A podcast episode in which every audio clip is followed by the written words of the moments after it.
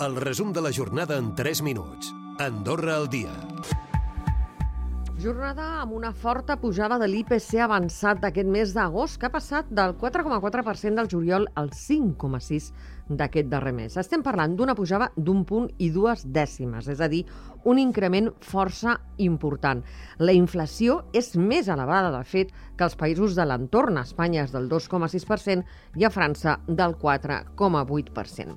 Hem tractat també una altra qüestió d'actualitat perquè des d'avui Josep Maria Piqué deixa de ser director general del SAS. Ha fet balanç dels darrers set anys i ha celebrat haver recuperat salaris i renovat instal·lacions. També ha aplaudit la gestió de la Covid-19 i el primer conveni col·lectiu. Un dels reptes que haurà d'afrontar la nova direcció és, segons Piqué, la saturació d'urgències.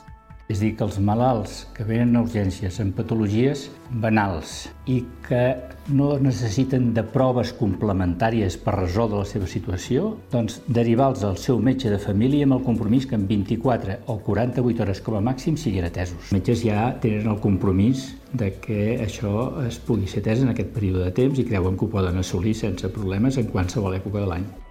I el Comú d'Andorra la Vella ha presentat divendres a la tarda l'entrada als dos edificis de l'Avinguda Santa Coloma afectats per les esquerdes un cop els 68 veïns han abandonat els habitatges. Tots han estat reubicats en hotels o apart hotels de la parròquia i d'Escaldes d'Engordany. Dilluns començarà doncs, una prospecció del terreny per analitzar en quines condicions es troba tot plegat.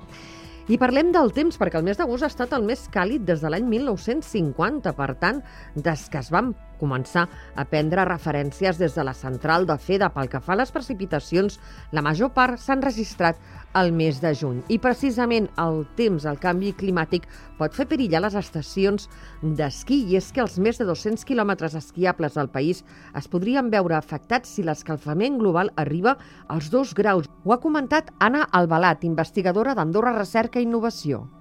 Sí, perquè són les estacions que estan en una cota, pues això, que estaríem parlant d'aquestes cotes més crítiques i a més a més per l'orientació que poden tindre. O sigui, el forn de Canillo és una, una solana, també és una orientació que és propensa que la, la neu pues, duri menys allà.